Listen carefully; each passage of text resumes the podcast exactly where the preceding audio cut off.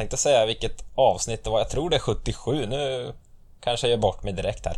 Eh, ja, ja, strunt samma. Vad, vad gör ni Adam? Vi är lite sena på grund av dig. Vill du berätta varför? Ja, det kan Förklara jag, dig Adam. jag brukar inte vara hemlig om mig. Jag är ganska transparent när det kommer till... Ja, det vet vi om inte annat från förra avsnittet. Ja, precis. Då öppnade jag upp mig rejält. Eh, gjorde jag. Nej, men Både för oss och för läkaren. för att göra en eh, kort historia lång så eh, var det ju att eh, mitt internet packade upp hemma. Och innan jag började felsöka eh, bredbandet så eh, ringde jag min farsa och frågade Är du redo? Nej, det sa jag inte. Jag bara, Fan, kan jag komma över? Kan jag komma över eller? För vad då? Och Jävligt eh, oklart. farsan bara, får jag vara med i podden? Jag bara, ja nästa gång så. Nej men så fick jag sitta hemma hos dem och spela in.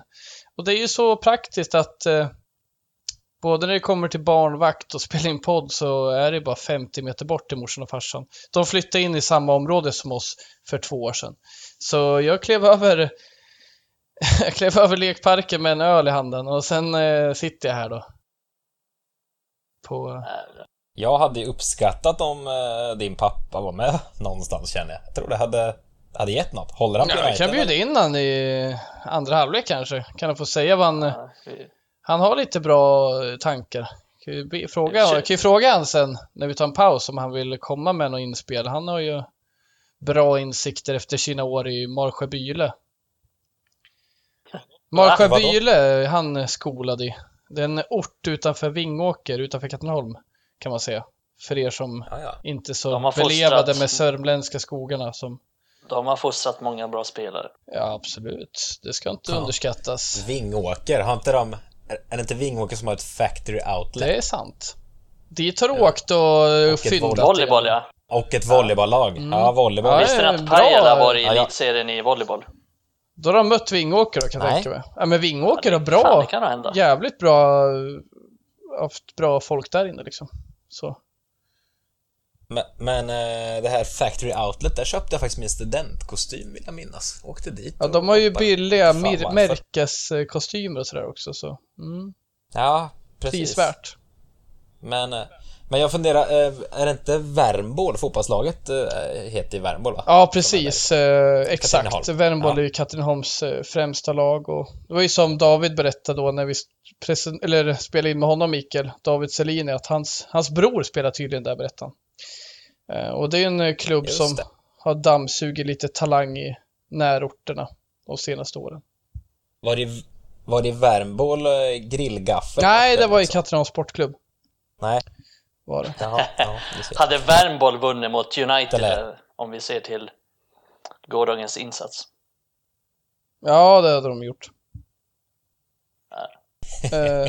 Ett kryss hade de fått i alla fall. Absolut. Vi bara backa hem och kontra. Ja men Värmboll, de Så hade ju någon eh, match mot AIK för några år sedan.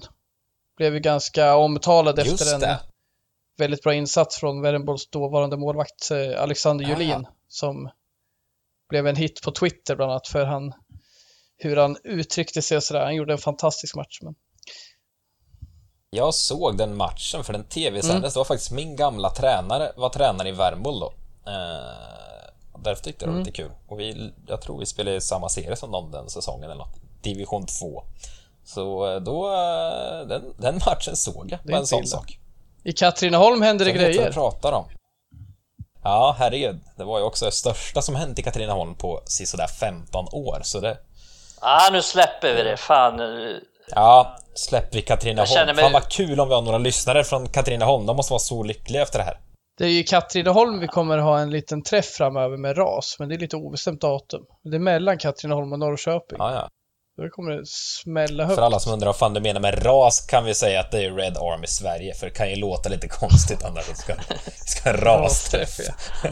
Det, det kommer rasas där, det kan jag säga. Det, Ja, det, ja. det är bra om saker därifrån inte kommer ut i eten. Men vi kanske Ja. spelar in en podd där, live. Kan hända. Ja, ja men, ja, men det, det kan vi ju vara öppna med att det finns ju planer för sen när denna pandemi är slut framåt år 2027 eller när det blir. eh, så eh, siktar vi på att ha en liten träff någon gång där eh, alla som vill kan få Ja, med upp. bärs och merch. Ja, Fan. och Abro en bild framförallt. på Mikael Bara med Abro.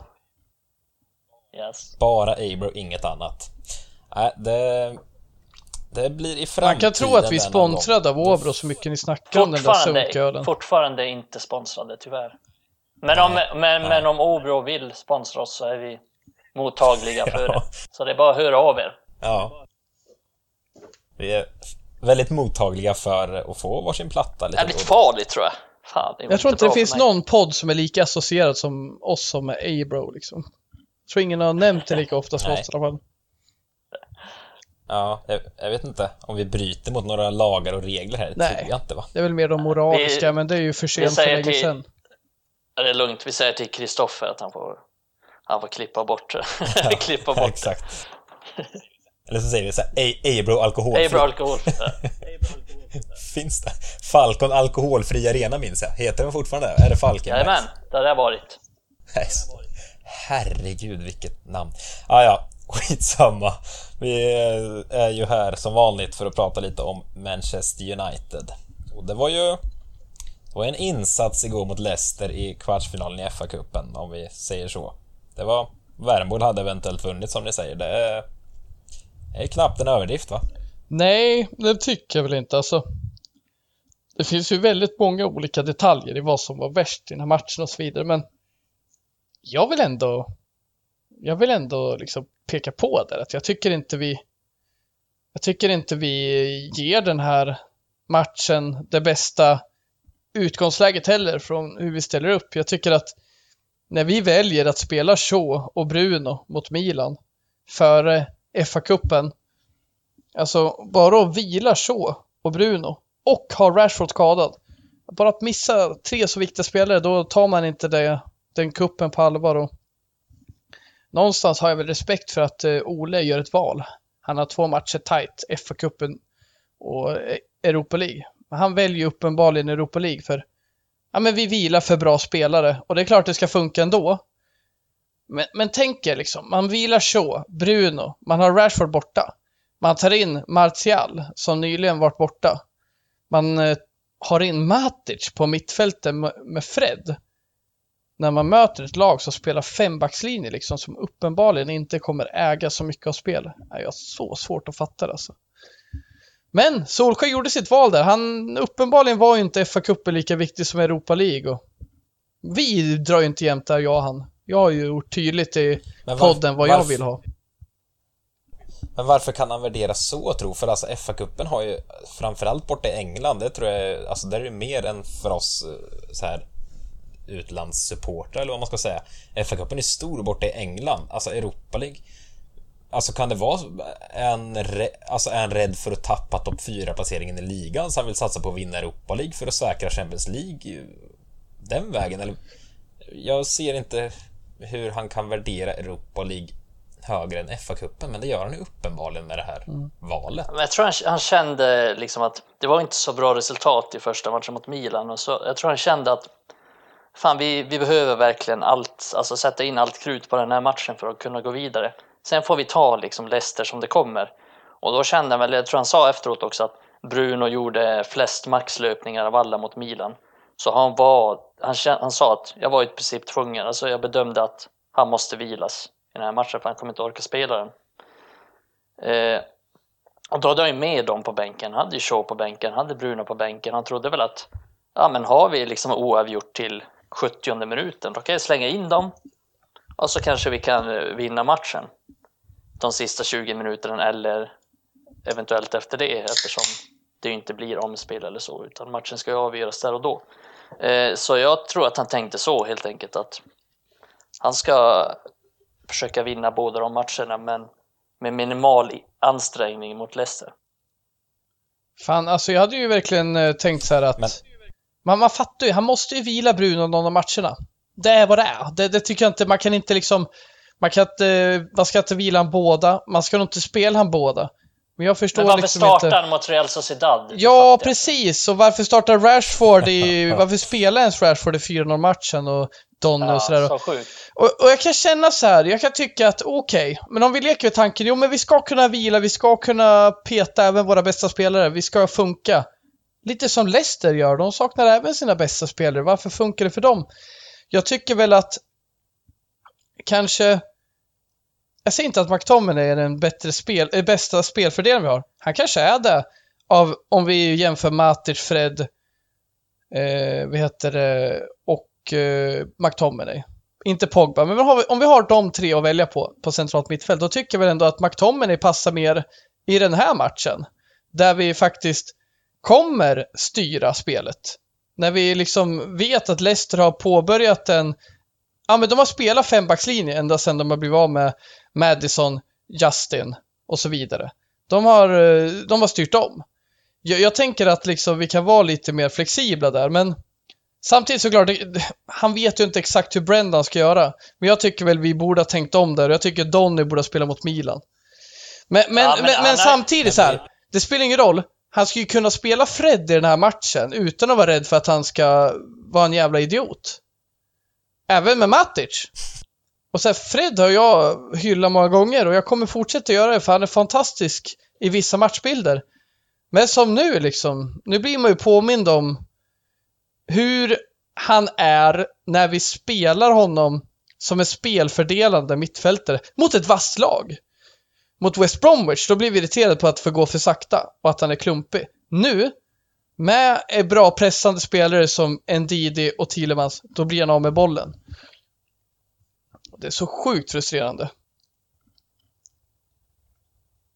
Men alltså jag tänker samtidigt Alltså det spelar ingen roll vem vi har på innermittfältet i nuläget för vi har ingen spelidé för att vara spelförande.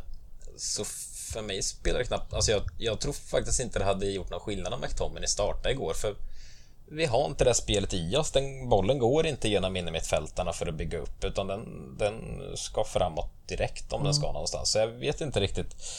Fred var ju utomordentligt dålig igår, även Matic var det, men McTominay försökte ju... Han gjorde sitt bästa för att vara, ta priset som matchens sämsta spelare när han hoppade in också, så alltså... Ja, inte. precis. Som du säger, ingen av dem har ju det spelet i sig, men... eh, Ja, precis. ja, det blev nej. inte bättre när han kom in.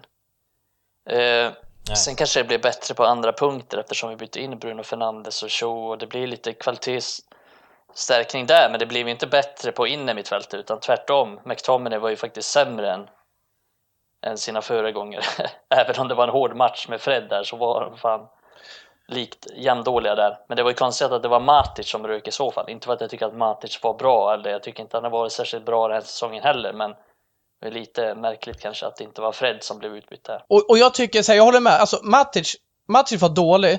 Men egentligen handlar det inte om Matic och Fred, det handlar om dem tillsammans tycker jag. Jag tycker också att Matic Ja. var dålig hela säsongen. Jag tycker inte Fred har varit det. Men, när Matic och Fred spelar tillsammans, det blir alltså... Det blir så jävla tydligt att Matic är en som kliver ner som en tredje back i uppspelsfasen. Det gör McTominay med, men jag tycker inte det är lika tydligt. Jag tycker han kliver ner, men ändå ganska snabb upp. Och är tillsammans med Fred, som är kedja nu, de är så jävla långt ifrån varandra. Och det blir typ som att Fred är en uppspelsfas för, eller en uppspelspunkt för Matic. Och liksom, de ska ju vara närmare varandra och det tänker jag så här när ni säger det här om McTominay. Jag håller med er, han var dålig. Men hade matchen börjat med Fred och McTominay så tror jag aldrig att det hade varit så här jävla eh, rörigt centralt. De ska spela tillsammans och Matic, han kanske ska spela tillsammans med Pogba. Att man kör dem, du är, det här är den sämsta jävla varianten vi kunde ha kört. Och jag hade köpt det om vi ligger jävligt lågt och har deras taktiska kunnande i att vinna boll. Båda är ganska duktiga på att placera sig, Fred och Matic. Jag hade inte haft något problem med det här mot City till exempel. Men som nu, när vi inte riktigt vet vad det blir. Ja, det är en jävla chansning man tar och de är inte bra för varandra de två. Eh, verkligen inte. Nej, Och framförallt de inte när vi ska styra spelet som vi gjorde igår. Då. nej, fan det är hemskt att se dem tillsammans när de ska styra spelet. Då. Och då, ja, vi kanske kommer nämna det senare, men lite snabbt bara att om man går in på värvningar och hur mycket vi betalar för Fred till exempel. Det är så sorgligt när man ser hans bollkontroll och hans spel med boll överlag också. Det fanns en kontring där han fuckade upp helt med en enkel passning också. Så det är ju, om man kostar 50 miljoner pund då ska man ändå kunna kräva att han är liksom en mittfältare som kan styra en match för Manchester United. Men det, det finns inte i honom och det är inte hans fel. Liksom, det är inte han som har gjort, det är inte han som har bestämt den summan och det är inte hans Liksom, han, han är den spelare han är och han gör sitt yttersta, det kan man inte klandra honom för men han är ju bara inte tillräckligt bra på just de grejerna. Sen kan jag hålla med Adam om att han, han är jävligt nyttig i vissa matcher och vi tar ofta City som exempel, alltså mot City så är han ofta bra. För då behöver han inte hålla i bollen, han behöver inte tänka. Du har sagt fan, det var typ ett år sedan du sa det Adam. Slog det mig nu och det är jävligt bra sägning att han ska inte behöva tänka. Han ska bara få bollen och så på instinkt spela den snabbt till någon. Mm. För när han behöver tänka då blir det, ja men som vi ser, då kommer hans skottförsök, då kommer hans passningsförsök och det blir sällan bra. Sällan hans jävla skottförsök. Så jävla trött på att se honom skjuta. Men, men har man en Fred på planen, då måste man ju ha ett komplement till honom som är en jättebollskicklig spelare. Alltså så Fred kan bara ta bollen och släppa den. Ta bollen och släppa den. Det funkar inte med någon av dem vi har i dagsläget tyvärr. Alltså när jag sitter och tänker på det här nu, alltså det var ju fan dumt att misslyckas igår på förhand. Ja. Som ni säger, Matic ramlar ner i backlinjen. Lämnar Fred helt ensam i ett hav där på mitten, där de har liksom NDD, eh, Thielemans eh, och vad de nu har mer för gubbar där. Men alltså, Leicester är alldeles för bra och Fred som inte Alltså, han är ju inne i mittfältet, han är i mitten av planen. Ibland råkar han få bollen. Även om det inte är meningen tänkte jag säga. Men Alltså han, och han är helt ensam där. Framför honom finns eh, Donny van de Bench som eh, inte... Eh, alltså han är ju alibi, han är inte... Jag vet inte om han är med och får han bollen så ska han spela mm. kvadraten. Och så finns Pogba som ändå varit borta rätt länge. Ganska rimligt att han inte liksom dominerar, även om han gjorde det mot Milan han hoppade in i en halvlek. Men...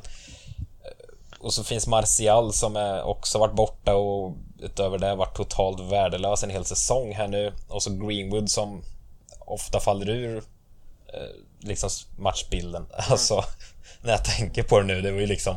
Och så hade du Telles på vänsterbacken och Wan-Bissaka på högerbacken. Det är lite torftigt där med. Alltså, ja, ja, det är mycket rimligt att Leicester vann. Ja, men det är ganska rimligt. Och sen är det ju, vi får ju tänka på det också, att United spelade i Milano på torsdag kväll, sent på torsdag kväll. Kom förmodligen mm. hem på fredagen och sen bortamatch mot Leicester på, på söndag. Så det är ju tufft och Leicester har kunnat de har kunnat ladda för den matchen hela veckan egentligen. De kan sitta hemma liksom analysera Uniteds match mot Milan och ladda batterierna för den. Så det är inte så konstigt i sig och jag tycker det är ingen skandal att förlora mot Leicester. De är ett av ligans bästa lag. Det är inte det, men det är väl att det ser så jävla dåligt ut. Det är det som är det. Det är det som är det oroväckande tycker jag. Det är inte att vi förlorar mot Leicester, för det, det må vara hänt. För Leicester är bra som jag sa, men det är fan att det ser så jävla dåligt ut. Och tar vi vinsten mot Milan, den kommer ju egentligen bara för att vi får in Pogba i den matchen. Ponera att vi inte hade haft Pogba i den matchen. Vad hade hänt då? Jag kan inte se det något annat det... än att det blir liksom 0-0 i den Nej. matchen. Det är åter en individuell ja. briljans som räddar Och det blir så jävla tydligt. Det ja, det blir så jävla tydligt mot Milan. För där blir det så extremt tydligt att när Pogba kommer in, då gör han så stor skillnad och liksom det gick inte att missa. Det var ju bara Pogba. Det var han som vann den matchen till United. Mm. Och det kan vi se ibland med Bruno Fernandes när han har kommit in mot West Ham i andra halvlek eller när han har bytts in mot, ja men ta, jag kommer ihåg Leipzig-matchen hemma när United vinner med 5-0. Jag tror att det stod 1-0 ganska länge. Sen kommer ju Rashford och Bruno Fernandes in och så bara vips så har vi 5-0. För att de är så jävla bra när de har sin dag och när de får lite ytor att ställa om. Eh, så det är, det är mest det. Jag, jag tycker Leicester är ett ganska tacksamt lag och, och dra lite paralleller till vad de gör bra kontra vad United gör dåligt. Leicester har haft brutalt mycket skador den här säsongen. Ändå ligger de med sina mått mätt på en fantastisk tredjeplats. De är nu framme i semifinal i FA-cupen och så vidare. Eh, men alltså, de har ju haft vi, vi pratade om det vi tre innan vi började spela in den. Alltså deras skador är ju något vansinnigt. De har ju i princip varenda startspelare har varit skadad den här säsongen. Eh, och inte bara i en, eh, i en kvart liksom. De har ju varit skadade länge liksom. Barn som var deras bästa spelare drog, förstörde ju knät här. Du ville säga att han drog korsbandet? Ja, precis, han drog korsbandet. så var det inte. Men han, han missar resten av säsongen Nej, i alla det fall. gör han inte jag. heller. Eh, nej, han är tillbaka. Så. Skitsamma. Fan Oavsett vad du det säger nu det så är Liverpool Men- mer skador än någon annan världsklubb i hela världen. Så, Någonsin har haft. Ja, ja. Så är det ju. Och de har ju en formsvacka alltså, som eh, de eventuellt kommer Det var bara en formsvacka, bara en... Hade de inte haft skador Nej, men så alltså- hade de... Hade de haft van Dijk så hade de vunnit mot Aston Villa istället för att förlora med Ja, fy 7-2. fan. Ja, just det, han var ju med i den matchen. Fan också. Ja men, ja men jag tycker i alla fall det här med att Leicester har så många skador Ändå, de får liksom rotera och lappa och laga hela tiden Ändå fortsätter de spela fin fotboll och de fortsätter med sitt och de fortsätter ta poäng och vinna United liksom går och skyller lite nu på att ja, vi var tvungna att vila Bruno, vi var tvungna att Rashford är skadad och det är lite synd om oss, Shaw var tvungen att vila Ja men vad i helvete rent ut sagt Det är inget att skylla på alltså Manchester United ska kunna spela sitt B-lag och mäta sig med Leicesters A-lag. Nu har Leicester ett gäng borta. United vilar några. Ändå så är vi klart mycket sämre än Leicester. Alltså det är något så fel i grunden att United kan... Vi måste ha våra bästa spelare för de kan vinna matcher på individuell briljans. jag kan säga så här, alltså. Tar vi bort Bruno, tar vi bort Rashford, det är, det är helt kört då. Leicester kan vara utan Jamie Vardy i tre månader och ändå fortsätta vara kvar i toppen. För det finns något i grunden där som Brendan Rodgers har byggt upp med den truppen. Så de kan, de kan flytta på spelare, ta in nya och det ser ungefär lika bra ut. Det är en väldigt stor skillnad eh, Leicester kontra United i nuläget.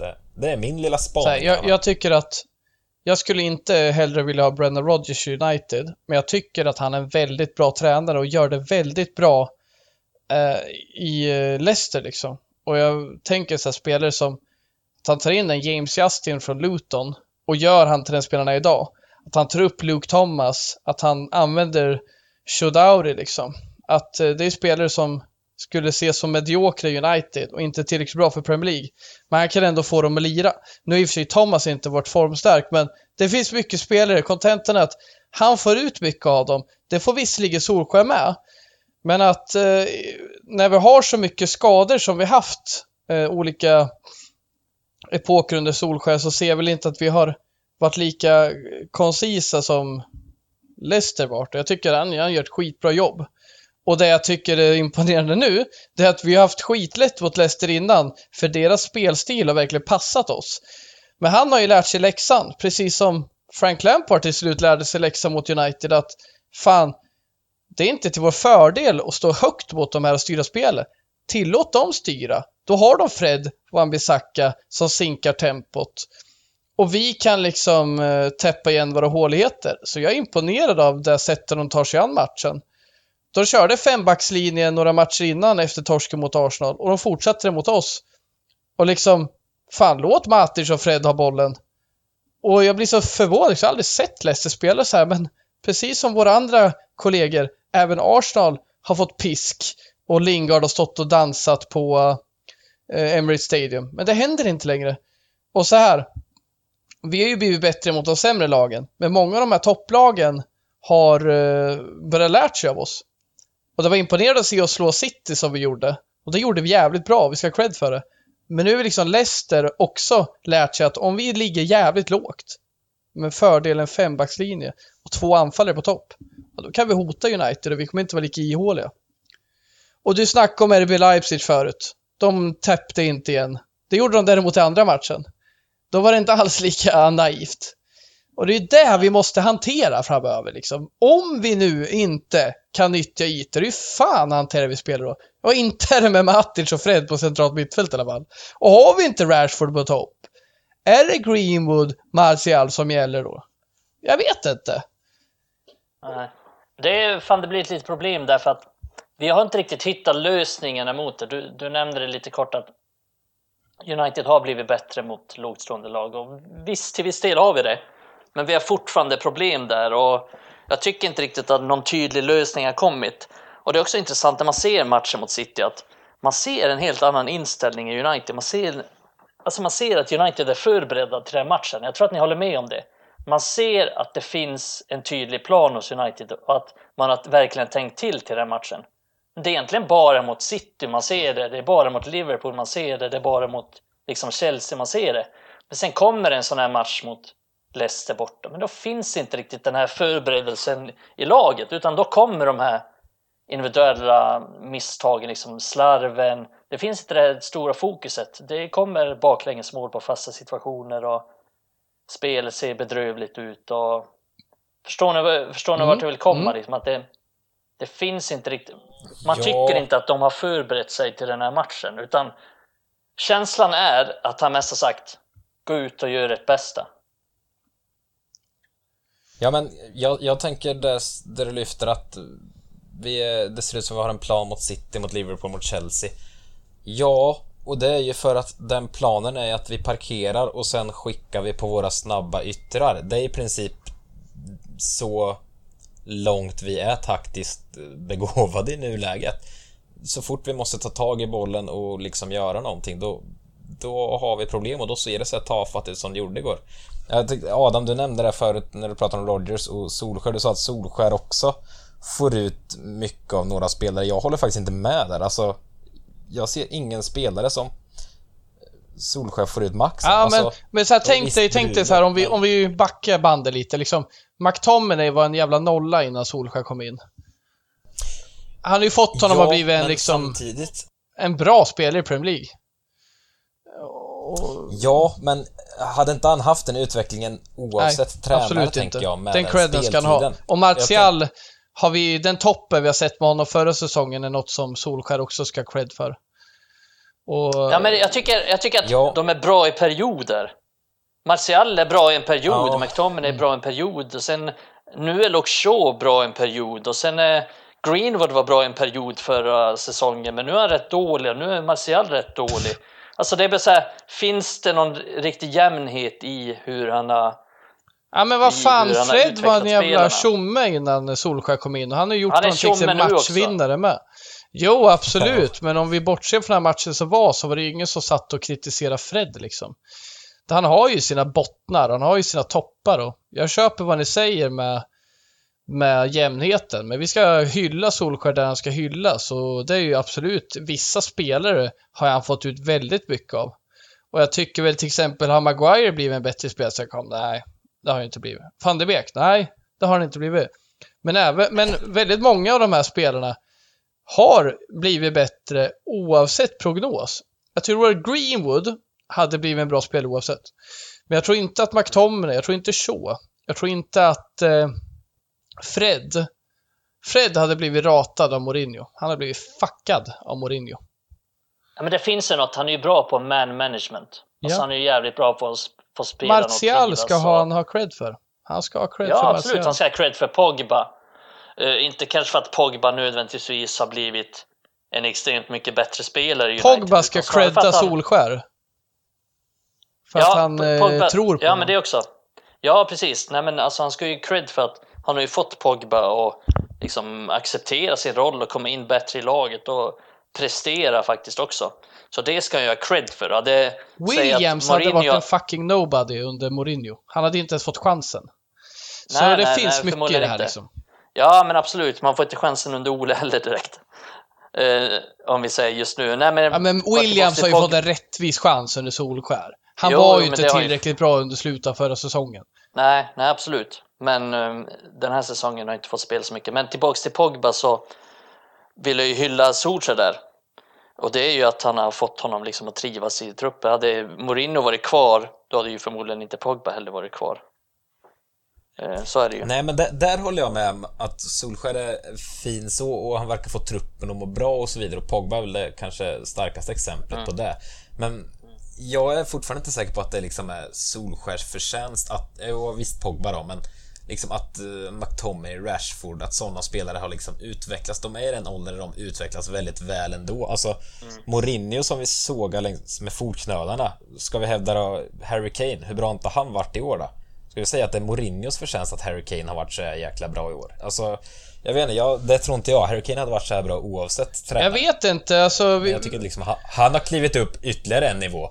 Och det tror inte jag är Mourinhos förtjänst att, att Kane har klivit upp Ja, det är ju någon i Tottenham i alla fall, under Mourinhos era, som har satt Kane lägre ner i planen för att få fram de här snabba spelarna. Att man lokaliserar att Kane inte är dynamisk nog för att eh, ta dem vidare. Ja. Men om jag ska utveckla det där, vi, vi hyllar ju faktiskt det i förra säsongen att Rashfords utveckling, så här, det kanske inte är Solskär, men det är någon under Solskärs regim som har sett till att Rashford blivit en mer passningsskicklig spelare, en, en kreativ spelare. Och nu säger jag inte att han är världens mest passningsskickliga, men det vi såg under förra säsongen, hur han fick igång Uniteds spel under våren, hur han fick igång Martial under våren. Ah, det kanske inte är Solskär, men nog fan ska han ha cred på något sätt att hans tränarstab i alla fall fick igång Rashford. Det är ju jo, väldigt, men absolut. absolut. Alltså det är konstigt att snacka om det, men, men, men det är ju ingen annans i alla fall. Men är det rent fotbollsmässigt då? Visst, han kanske får Rashford att trivas som person och det går ju hand i hand såklart. Men rent fotbollsmässigt, har han verkligen utvecklat så många spelare? Och framförallt, han lyckas ju inte utveckla gruppen som helhet på planen. Det, det finns ju noll kontinuitet. Alltså även i höstas när vi klev upp och ledde ligan. Min, min bild! Alltså, djupt in i min mage har jag bara sett att det här kommer, det kommer Min bild är att han är alltså, fantastisk lagbyggare. Även truppbyggare gör han bra, inte fantastiskt. Man är en fantastisk eh, trupp, samla ihop truppen, samla ihop laget liksom. Han är duktig på att mm, mm. bygga sin trupp och liksom etablera. Däremot taktiskt, absolut. Jag ser inte att någon eh, lägger sig bredvid sambon på natten. Fan, idag lärde jag mig så jävla mycket av Solskär. Vi, fan vad vi ska göra här. Det, han är ju mer såhär, gör det ni är bra på, gör det du är bra på, tror jag. Det här är bara mina ord, det här är din fakta. Där är Adams tankar att gör det du är bra på, gör så där som du gjorde då och gör så. Eh, sen kanske McKenna och Carrick, eller McKenna har mer taktiskt. Men jag ser inte att han utvecklar dem kanske taktiskt, men tekniskt. Jag tror han utvecklar Martial, han utvecklar Rashford, han utvecklar eh, Greenwood. Men kanske inte den nivån jag vill. Men jag vill inte förta någonting av det här. Vi är på väg in i någonting nu i den här diskussionen, liksom att fan han inte gör tillräckligt mycket för den personliga utvecklingen, men taktiskt. Han vågar för fan knappt göra byten. Jag har fan så lust att bara titta upp hur många byten han ens har gjort i halvtid den här säsongen, där han själv har velat det. Jag vet att en av dem var mot Tottenham. Och det var inte för att han ville det. Han ville fan inte ligga under som han gjorde. Vi har haft skador där det har vänt. Ett, ett jag vet är mot West Ham, där han byter in Bruno för att van de Beek är så jävla kast den matchen. Så det är ju sådär liksom, hur kan han taktiskt utveckla oss? Det är hans stora utmaning. Och en stor anledning till att jag inte tror på honom i det långa loppet. För vi behöver sådana taktiker i matcher där vi håller på Alltså där vi ligger under i kupper. Alltså vi har åkt ur semifinaler, kvartsfinaler nu de senaste åren. Varför är det så? Jo, för vi kan inte hantera de här situationerna. Vi möter Leicester och vi har tagit jävla pissbeslut att köra Matic Fred. Agera i halvtid varje match agera och det är ännu viktigare i kupper för det är dö eller leva liksom. Det är en äta eller ä... Det är en, ja, fan. Jag blir irriterad när jag tänker på det. Men det är en stor utmaning för honom och det är tillräckligt stort för att jag inte tror på det i det långa loppet. Han måste bli bättre taktiskt. Hans tränarstab och han måste bli bättre taktiskt. Men byten är ju bara en del i det här känner jag också. Alltså det ja, jag spyr också på att det inte händer någonting ofta. Men det är så mycket större än så problemet tycker jag. Alltså, jag kan inte säga vad Uniteds spelidé är. Jag ser varenda match, varenda minut, men jag kan liksom inte säga att så här vill de bygga upp ett anfall. Jag, jag Mikael, du sa något så jävla bra, eller du twittrade så jävla bra liksom att Problemet är ju inte att vi åker ur kupper. Problemet är ju att vi spelar så dåligt varje match. Och det gör vi. Vi gör bra insatser, vi gör skitbra matcher då och då. Men överlag så är det ju knackigt liksom. Vi avgör inte matcher tidigt. Vi, vi kör inte över dem. Och jag kan känna så här, om jag skulle lyssna på det här nu kanske bara tänker, fan vi är väl, ne väl negativa. När vi ligger två och vi har haft bra, jo, vi är fortfarande obesegrade i ligan under lång tid. Vi är på väg en bra svit. Men vi kommer ju alltid upp och ner. Det finns alltid en nedgång tyvärr. Vi, det, vi går aldrig bara upp, upp, upp. Och det handlar mycket om att vi har, vi är inte trygga riktigt i vårt grundspel och då kommer vi inte vinna ligan, vi kommer inte vinna kupper. Jag är skitbesviken alltså... över att vi åkte ur FA-cupen, jag kan inte smälta det alltså. Ja men sen är det ju också att det är ju mycket diskussioner, så Solskär. Många är ju att ja, det är klart han har gjort det bra, han har utvecklat United och United ligger tvåa i ligan och förlorat första gången på 20 matcher eller vad fan det är och att vi ska vara nöjda. Och det finns ju en poäng i det, men det är, finns också någonting med förväntningar. Det är ingen som säger att vi ska vinna trippel liksom. Det är ingen som säger att United ska vara peak Barcelona. Det vi alla säger är att vi ska efter två och ett halvt år se ut som ett någorlunda samspelt fotbollslag. Om vi inte, om vi inte klarar av det, då måste vi kunna ställa frågor till tränarstaben.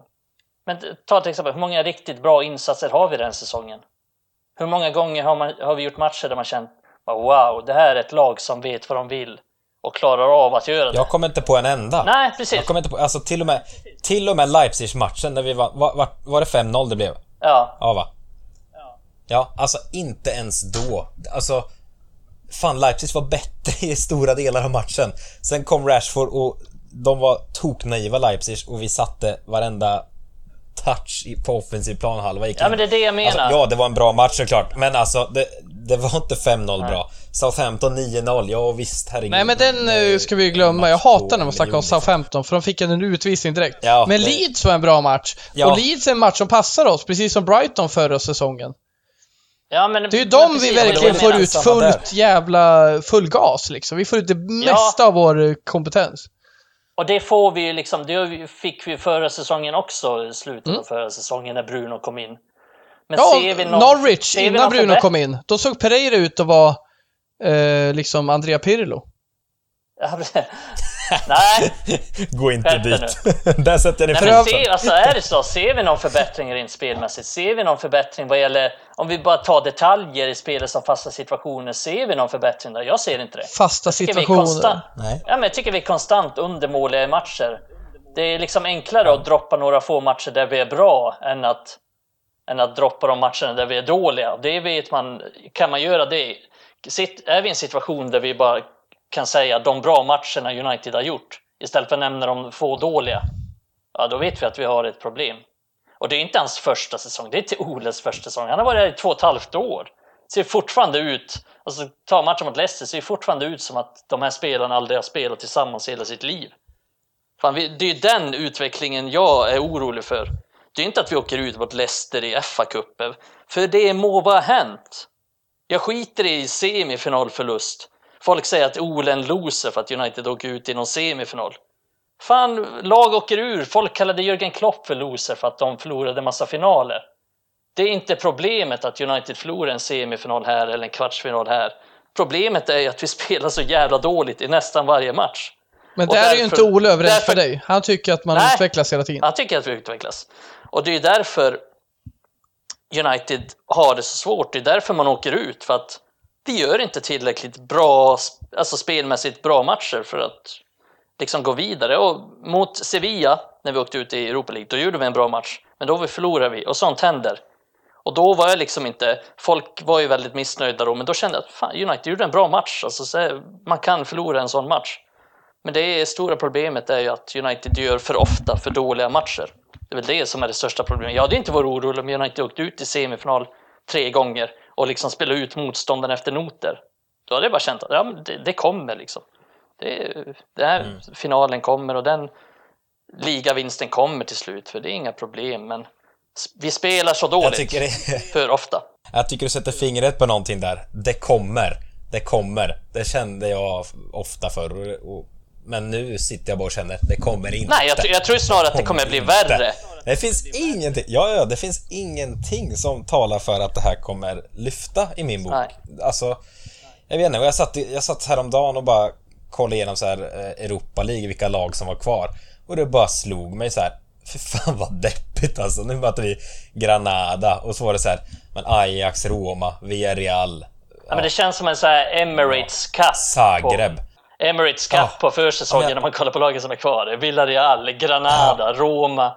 Manchester United, Arsenal. Ja. Emirates Cup-läge ja. Alltså, Dinamo Zagreb. En tit Ja men en titel, en titel och kan folk komma dragandes med. Ja absolut, det är klart jag vill också att vi vinner Europa League men ärligt talat, vad, det, vart har vi landat? Ska vi springa runt i turneringen? Elda inte igång med nu alltså. Emil, jag klarar inte det här. Oh. Nej, Ska vi ta paus så tar vi en andra halvlek sen så ska vi vi har eh, ganska många frågor från er lyssnare faktiskt som vi ska dra igenom här. Kanske var framöver lite också. mer positiva i andra. Det, Kan- kan vi det inte lova. Vi får se.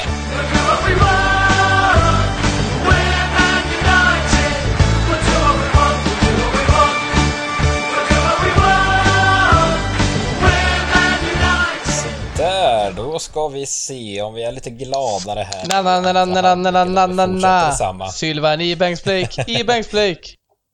Sylvan Ebanks Blake. Okej. Vi säger det.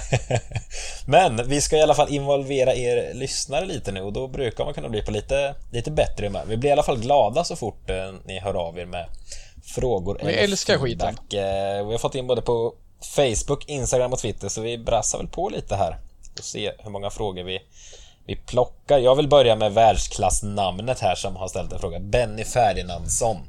Det flyger högre än Emil Gustafsson, det kan jag säga. Lätt. Eh, ja, ja.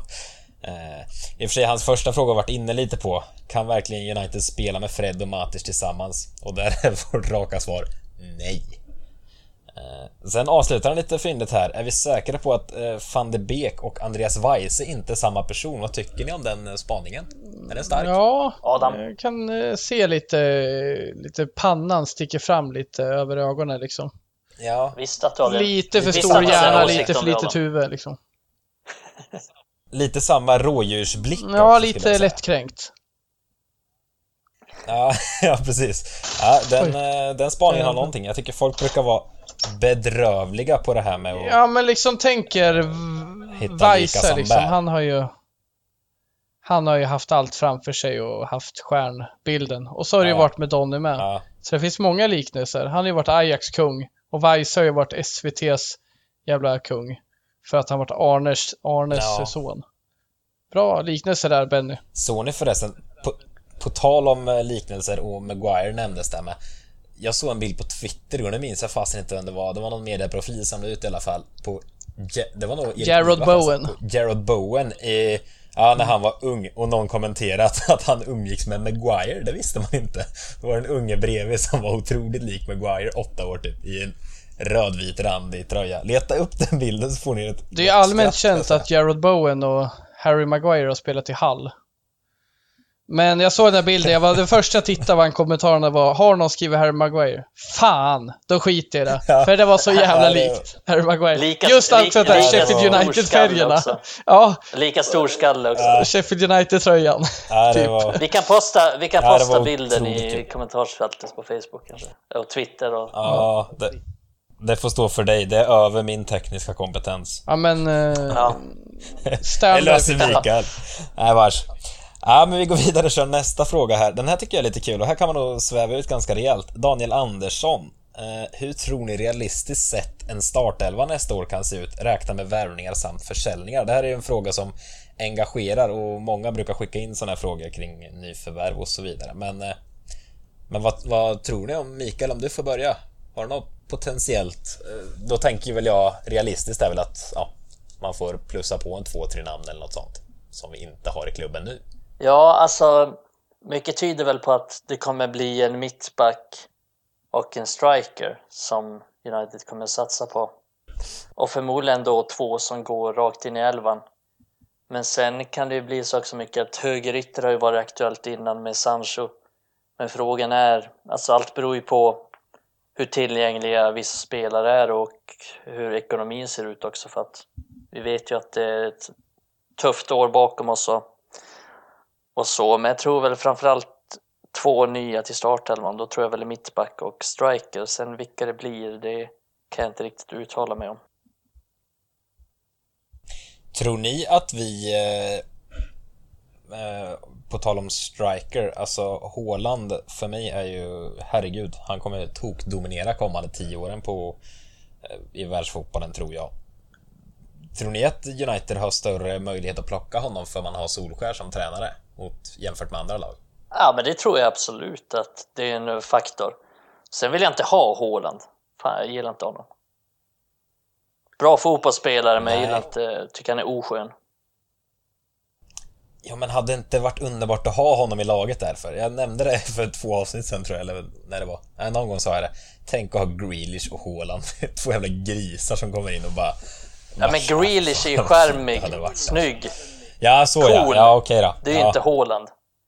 Han är bara rätt igenom ja, Men du tänkte på planen. Ah, ja, men jag hade nej, nog gilla, jag hade nog gilla Haaland ändå, med tanke på att eh, vi behöver det som spelare, men jag håller med att han är oskön i, sitt upp, i sin uppsyn liksom. Mm. Men det tycker jag Bruno Sen är ju med, frågan också att om jag ska vara United... neutral liksom.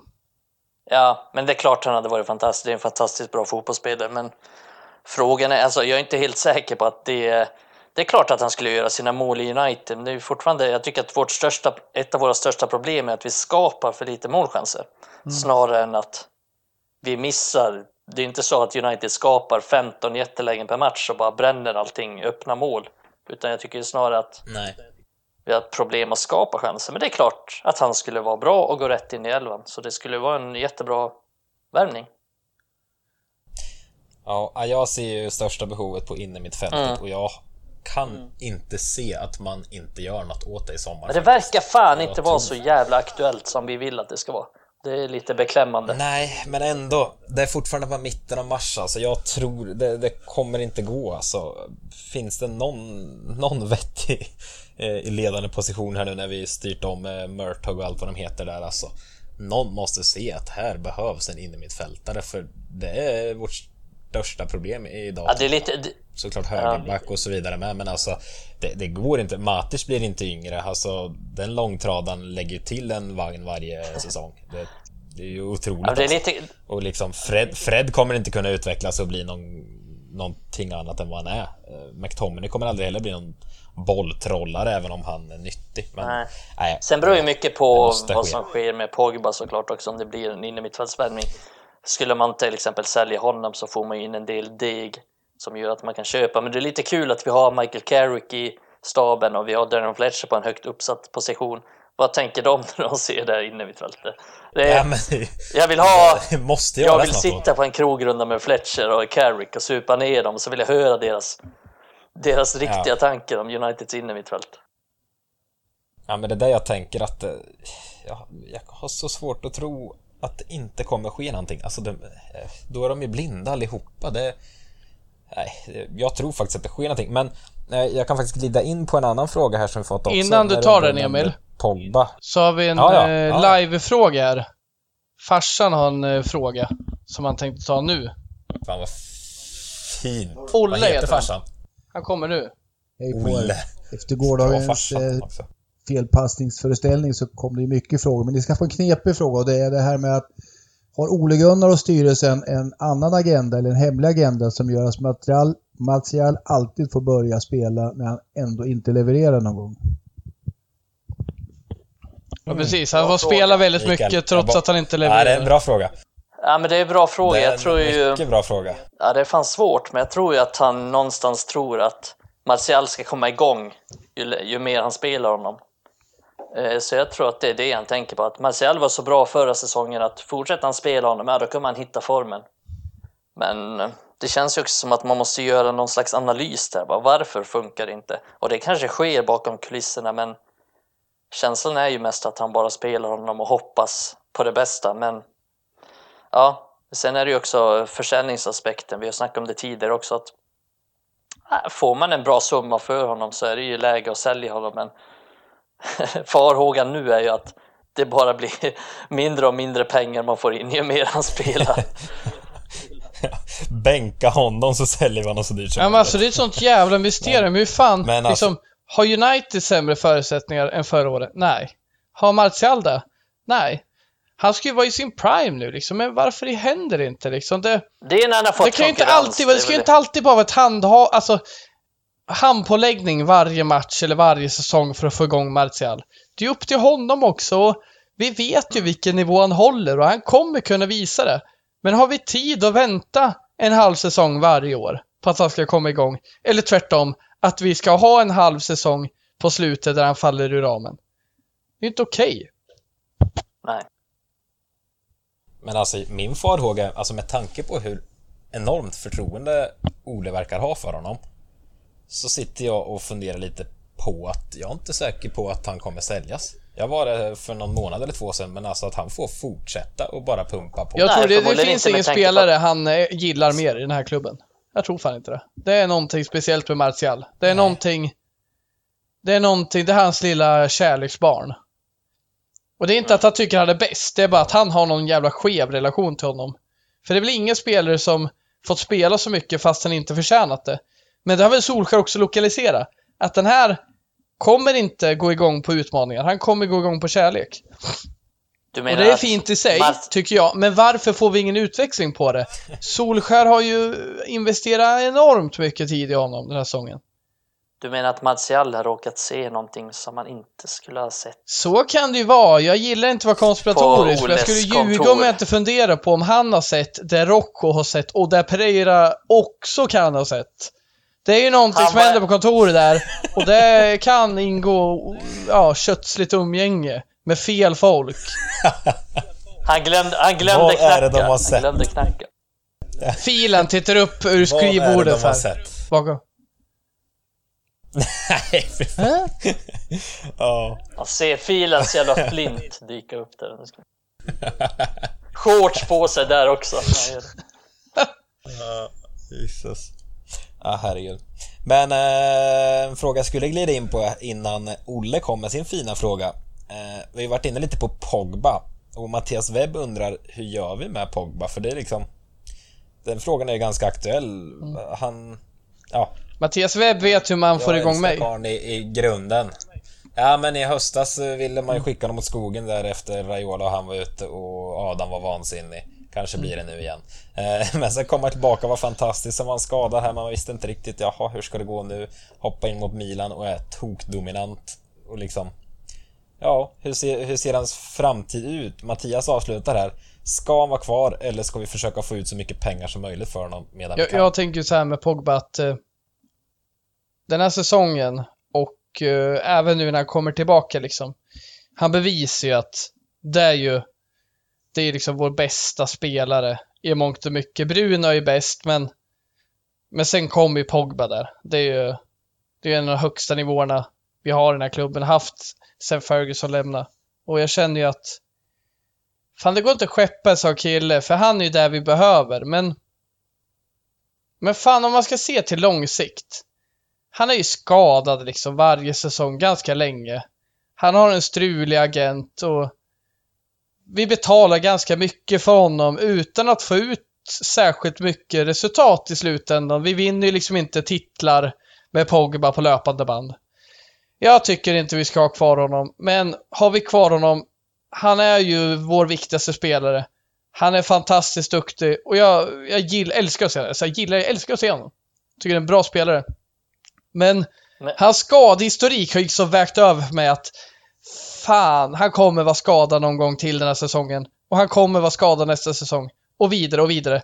Och problemet där, det är att det kan vara ganska svårt för honom att komma i form igen efter en dålig eh, skadeperiod. Han bevisar åt Milan att det inte alltid är så. Men han är ju liksom det är ingen som får något gratis. Men så var inte Rooney heller och det funkar ju. Men kort och gott, kan vi hitta någon annan spelare i samma kaliber vi kan förlita oss på så ska vi då satsa på det.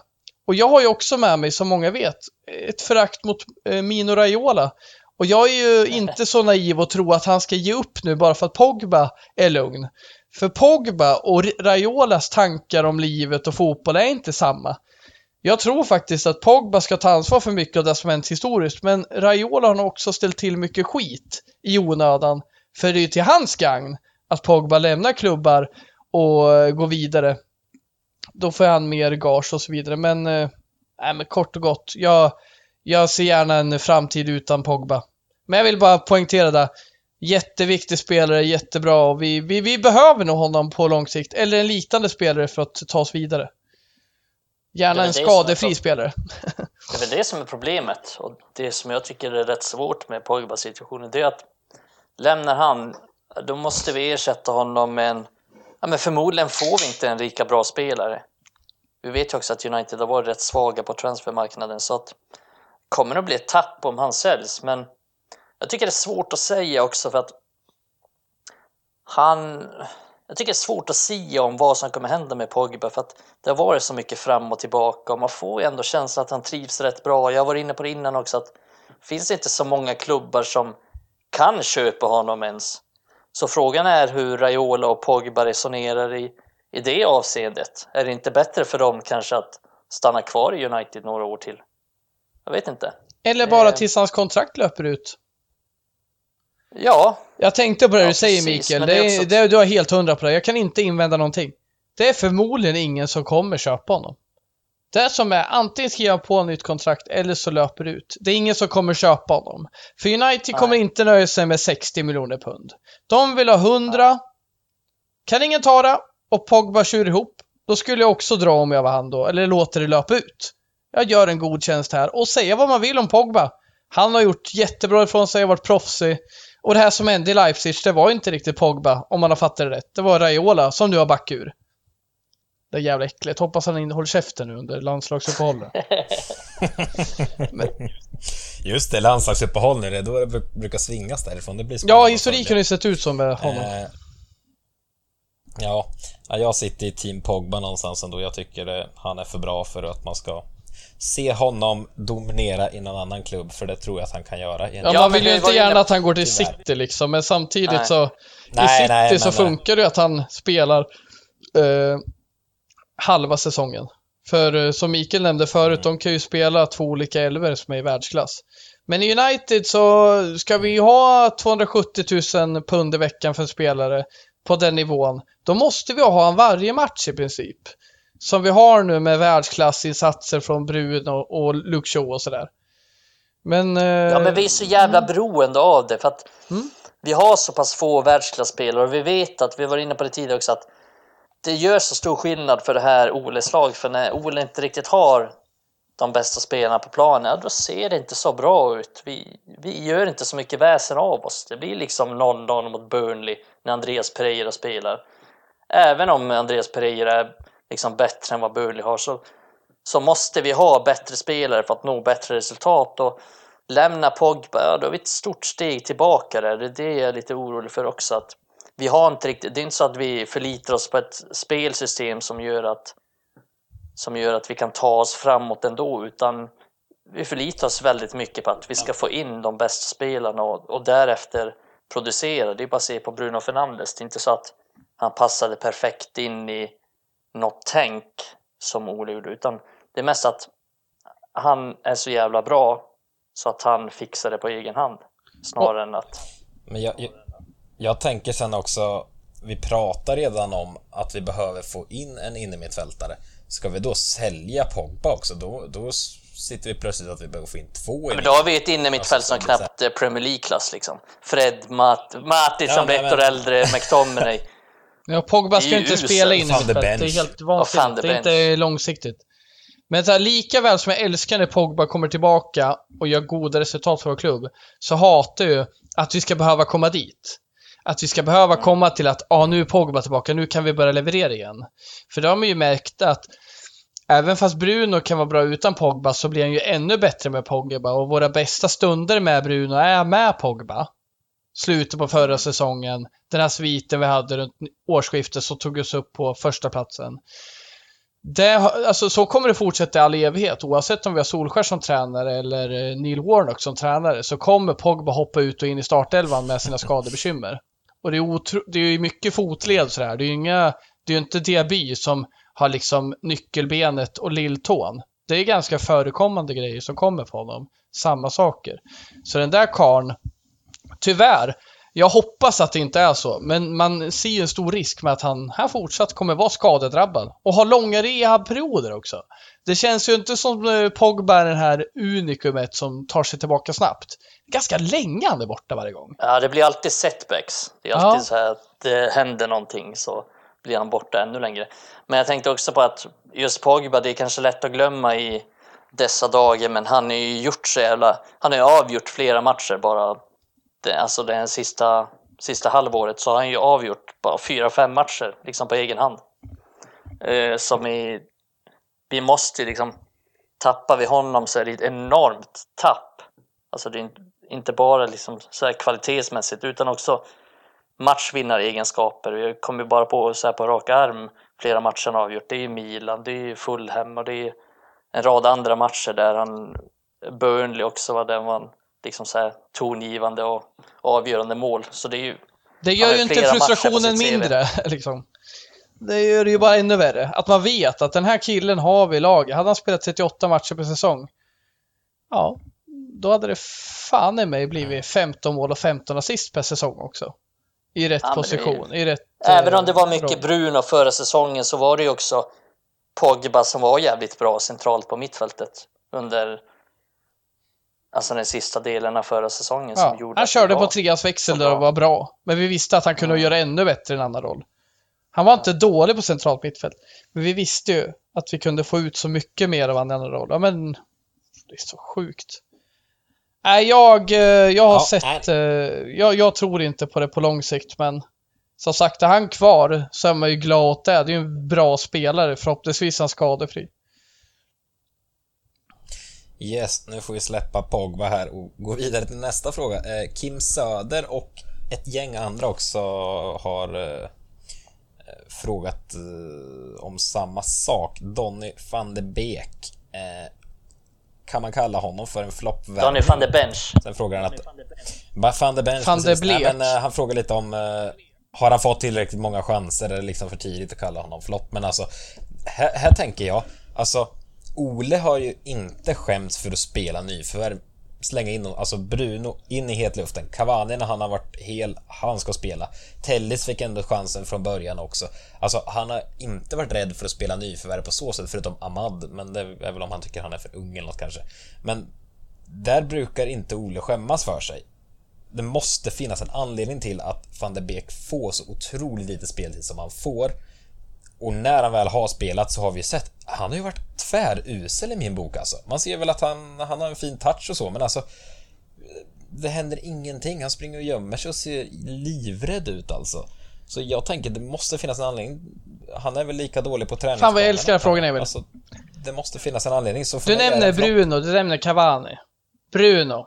Det finns ett uppdämt behov. Vi har en, vi har en avsaknad av nummer 10, någon som kan slå avgörande passningar, någon som kan pressa, någon som kan sätta krav, någon som kan leverera. Vi får in Cavani, vi har en spelare som kan pressa, någon som kan röra sig, någon som har närvaro i straffområdet, någon som hoppar upp och nickar, någon som kan avsluta. Vi har saknare. Van de Beek blir helt jävla tyst liksom. Vänta nu, van de Beek. Mm. Gör så. Gör så. Gör så. Det funkar inte. Och Mikael har varit inne på det hundra gånger. Det är inte samma spelartyp. Du kommer inte att få ut samma av honom hur mycket vi än önskar. Och van der Beek kanske kom dit med att tro att han skulle vara en del av någon mittfältstrea där han blir en som löper in i straffområdet och gör sig närvarande där. Där Bruno, fan vet jag vad de gjort upp. Men båda de är besvikna, det märker man ju. Och van der Beek, han ersätter inte Bruno i det spelstilen vi gör idag. Vi såg det mot Leicester. Nej. Det går inte bollar framåt. Han har inte mycket boll. Han passar bollen hemåt liksom. Och han använder inte sina styrkor. Han löper ingenting. Han går inte in i straffområdet. Hans största styrka vi sett i Ajax. Så det är så intressant att säga det. För van de Beek, han kan inte skicka in den i hetluften för han gör inte det han vill. Men det känns inte heller så Solskär riktigt förstått vad han ska få ut av van de Beek. Vi ser ju Nej, aldrig det- att han nyttjar, eller ju någon match har jag sett att han nyttjar hans styrkor, men sällan är det. Ja, och vi ser ju lite hans styrka. Det är ju vid målet mot Leicester just. När han hoppar över bollen. Han är ju bra på det. Kombinationsspel in i straffområdet, lite touch här och där. Även om det inte var en touch faktiskt som han gjorde där vid målet. Men problemet är ju att Bruno Fernandes är 100% när han spelar. Han är tia, slår bollar framåt hela tiden, avgörande bollar hela tiden, vill hela tiden framåt, skjuter, passar, allting. Han ska göra allting. Sen kommer Donny van de Beek in och ska vara Brunos ersättare. För det är nästan alltid, till 99% av fallen när van de Beek spelar, det är när Bruno inte spelar. Och då ska han ta hans roll. Men van de Beek är inte den spelartypen. Han slår inga avgörande bollar. Han får inte bollen och direkt slår en avgörande boll. Utan han vill hålla i bollen, han vill kombinera sig fram, han vill spela trianglar på mittfältet. Och det ja, visst kan man säga att han ska spela några bollar framåt, men det är inte den skolan han är skolad i.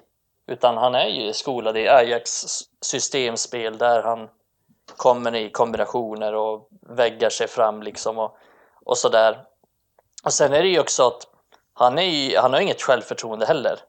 Utan han känner ju pressen. Han, han spelar var sjunde match, om ens det, och då ska han komma in och prestera, annars blir han utbytt efter 60 minuter och det blev han nu också i princip.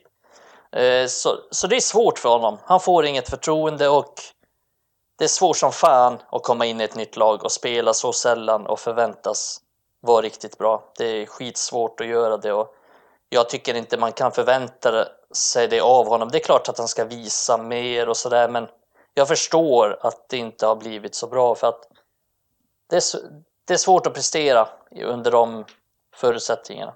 Så jag, jag vill inte dra på stora trumman än att han är en flopp för att han behöver få lite förtroende. Men sen tycker jag, och det har jag alltid tyckt, det är att det är ett fel, felköp för att han passar inte in i hur United vill spela och jag förstår inte varför man köpte honom.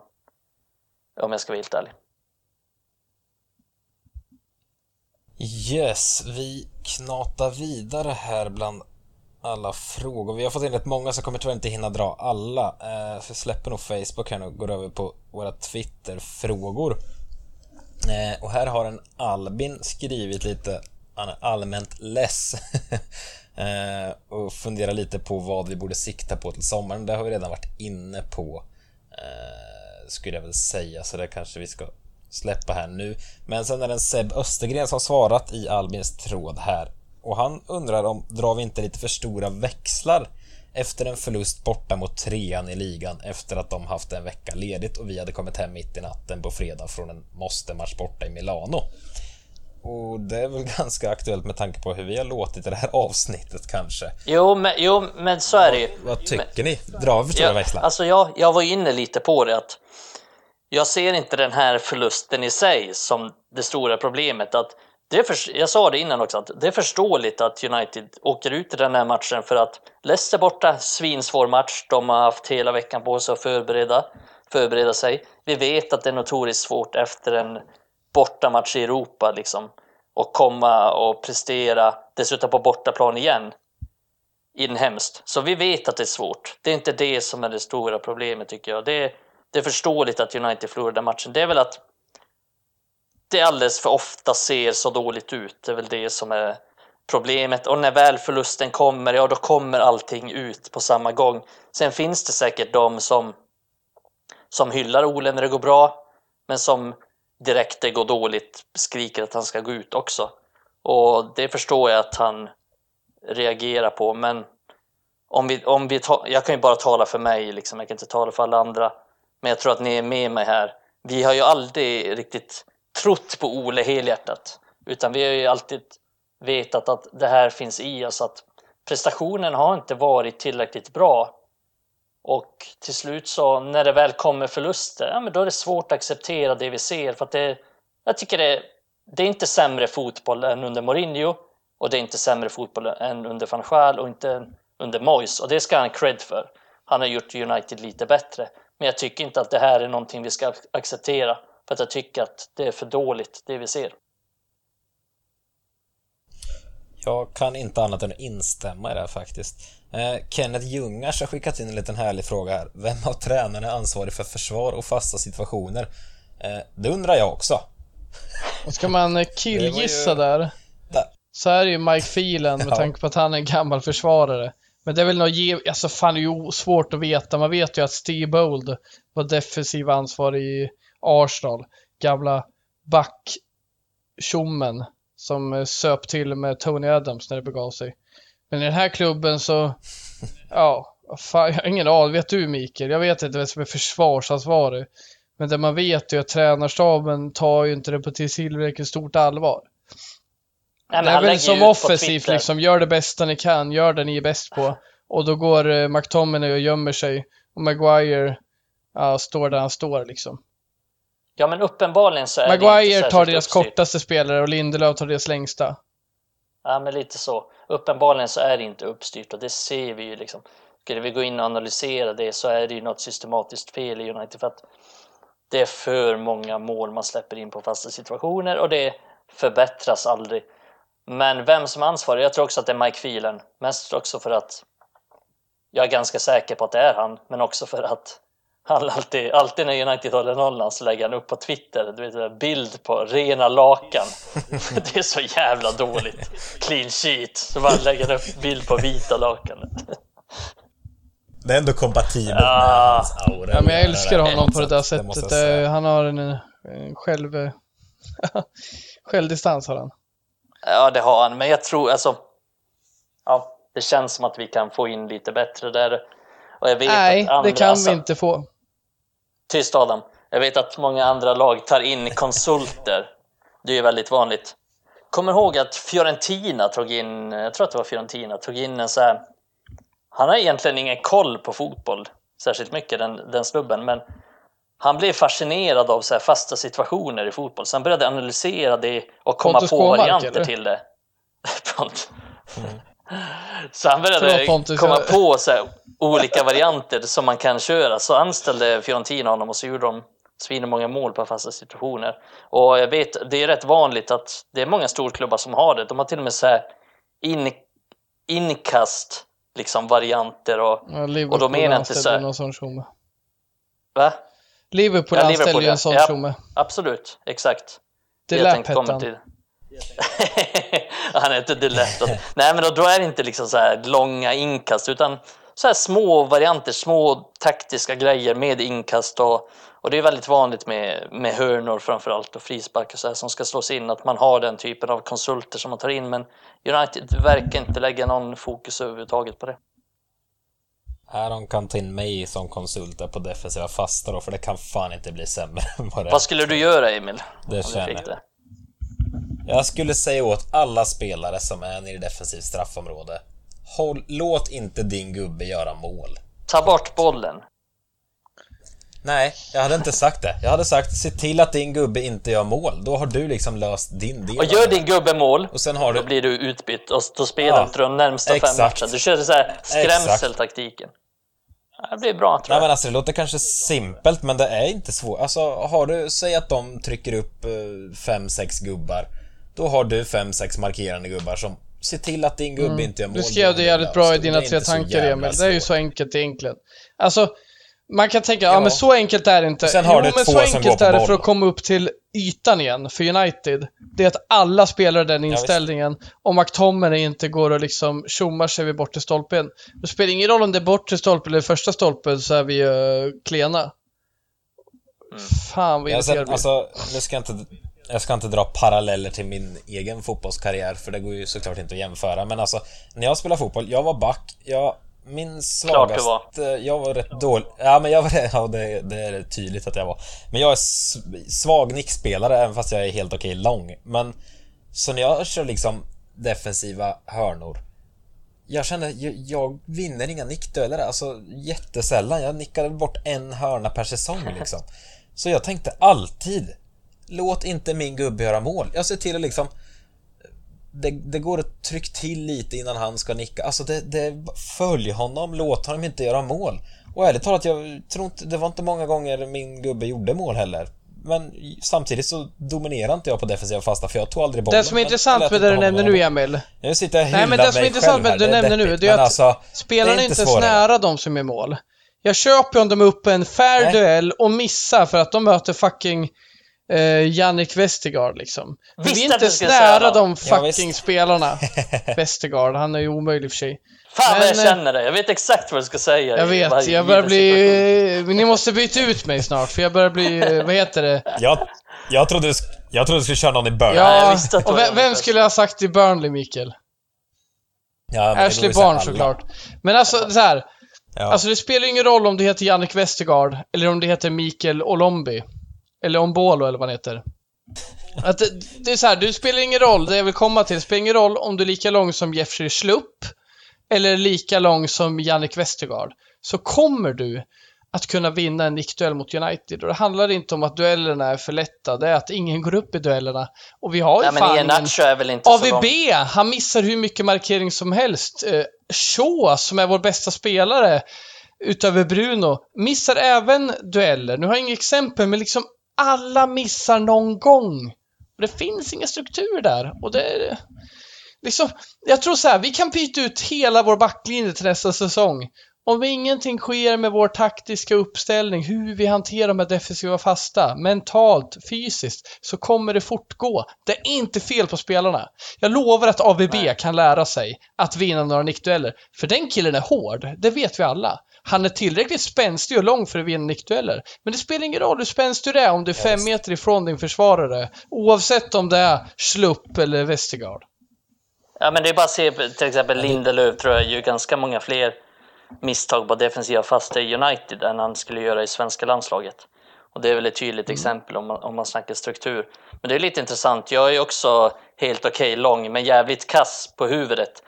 Men jag var också blev liksom så här tillsagd av min tränare att men fan, gå upp i duellen bara och tryck till dem. Du behöver inte vinna nickduellen, men bara du trycker till honom i upphoppet. Det blir ju aldrig straff för det. Sen var jag ju uppe ibland så här Nej. på, på offensiva fasta också. Så var jag ju där och alibi-nickade i offensivt straffområde. Men jag sa ju alltid till, till snubben som markerar mig att det det är lugnt, du behöver inte anstränga dig. Det är inte så att jag kommer nicka in den ändå. Ja, men- Jag kommer bara...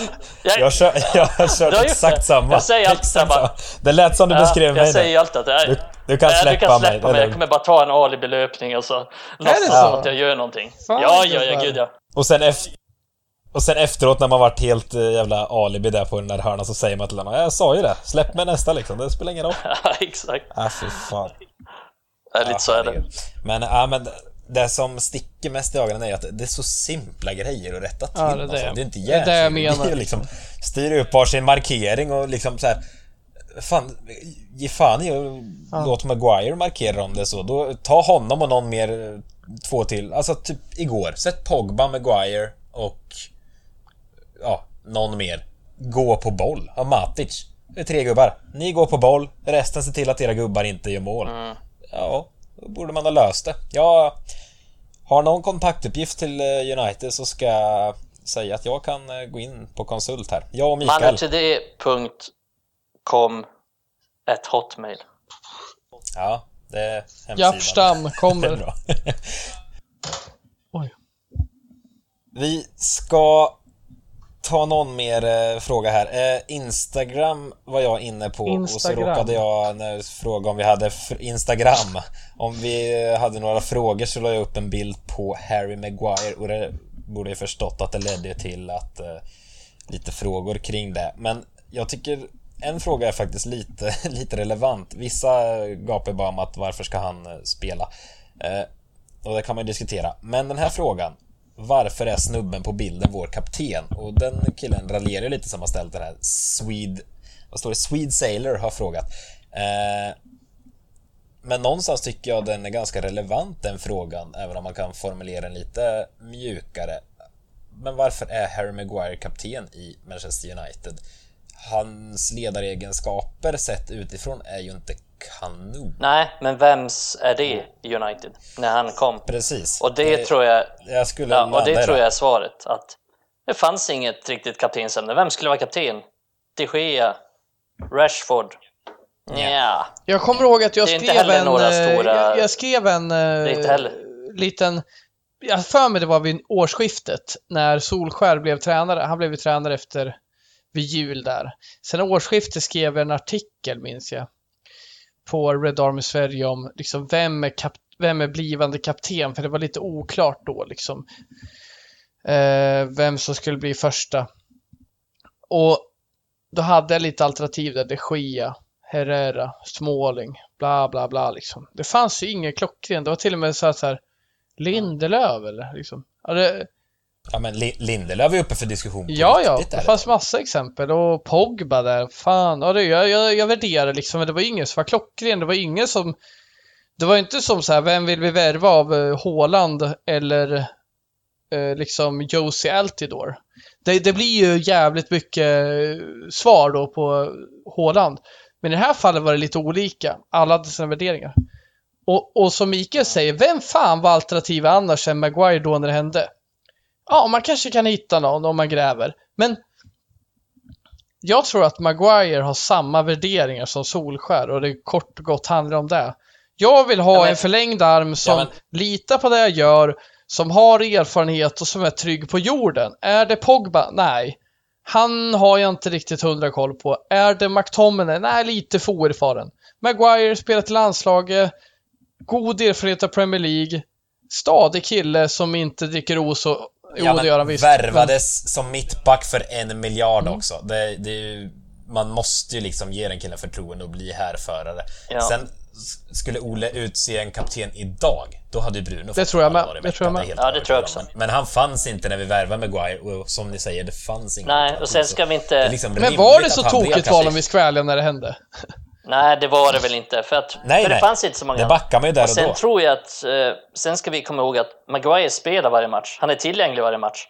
Så det är ju ett säkert kort Ja. att ha som kapten också. Man kan ju inte Absolut. ha en kapten som knappt spelar någon gång, som alltid är skadad. Det är inte så att han sätter Phil Jones som kapten, eller Erik Bajy. För de är ju, ja, dels är de ju inte Nej, han satte Ashley Young som lagkapten, för han spelar ju varje match han vill ha honom. Ja, men alltid tillgänglig.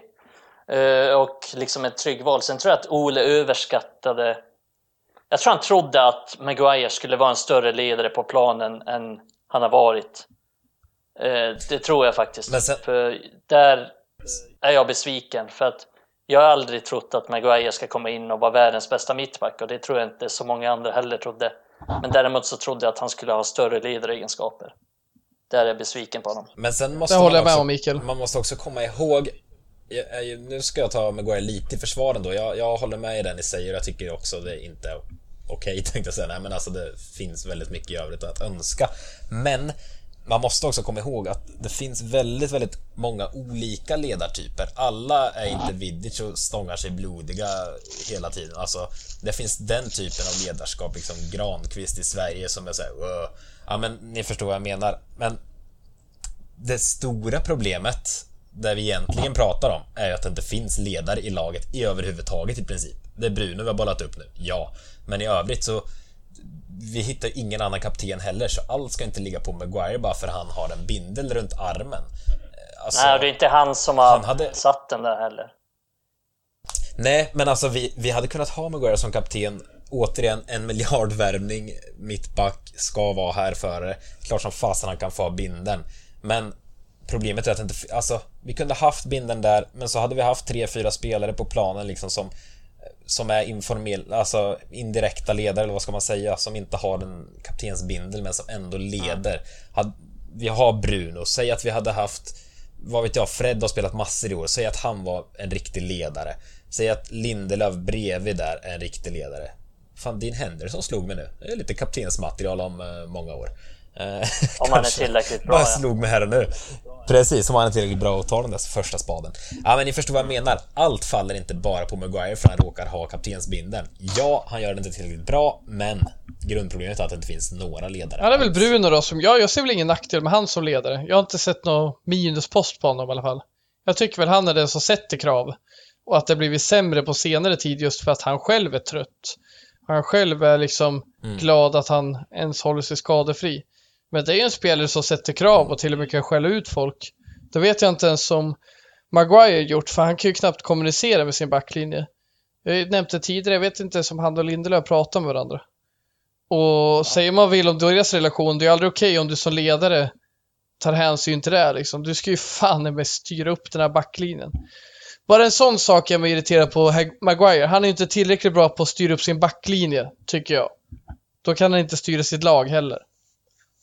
Det finns mer där att önska, absolut. Mm. Nej, jag instämmer. Nu har vi blivit eh, långrandiga igen. Vi skulle köra lite kortare avsnitt här idag sa vi, men det har nog sprungit iväg. Jag har inte exakta tiden. Vi får se när våran eh, nya klippare Kristoffer här har eh, skakat bort vårat mellansnack och det här får vi se hur långt det landar i det här.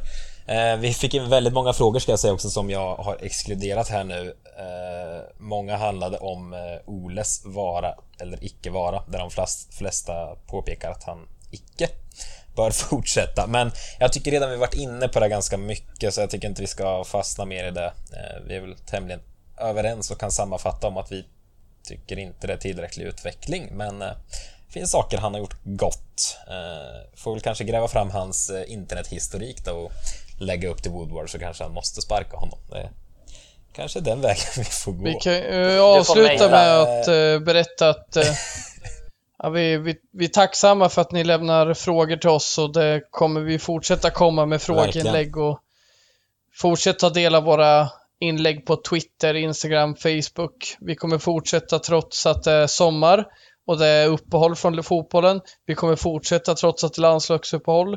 Red Army Sverige fortgår hela tiden och ta del av fredagskrönikan som kommer på fredag. Ta del av våra inlägg för att bevaka det bästa från Manchester United. Och ni gör det bra! Det är kul att få er feedback. Och är det något ni tycker är skitbra eller skitdåligt som vi tar upp i podden så tveka inte och skriv en kommentar eller PM med oss. All feedback är bra och vi, vi älskar när vi får den av er. Vi retweetade nyss en kommentar som gör en jätteglad och ser liksom att man kan vara ljuset efter en mörk jävla fyllekväll mot Leicester liksom. Ska sägas att vi inte vet om den här killen var full eller inte. Nej, men om han var nykter så är det ännu bättre. Så då är det ändå starkare av honom att ta sig igenom Oavsett, kul att höra. Ja, exakt. Nej, skitkul eh, när ni är med och eh, snackar lite med oss. Eh, som sagt, ingen eh, match nu, det är landslagsuppehåll. Eh, nästa match är mot Brighton den 4 april, söndag om två veckor med andra ungefär. Eh, men det kommer ramla ut ett avsnitt nästa vecka, då kan ni räkna med. Så vi hörs väl då om inte annat. Ha det så gott tills dess. Hej hej!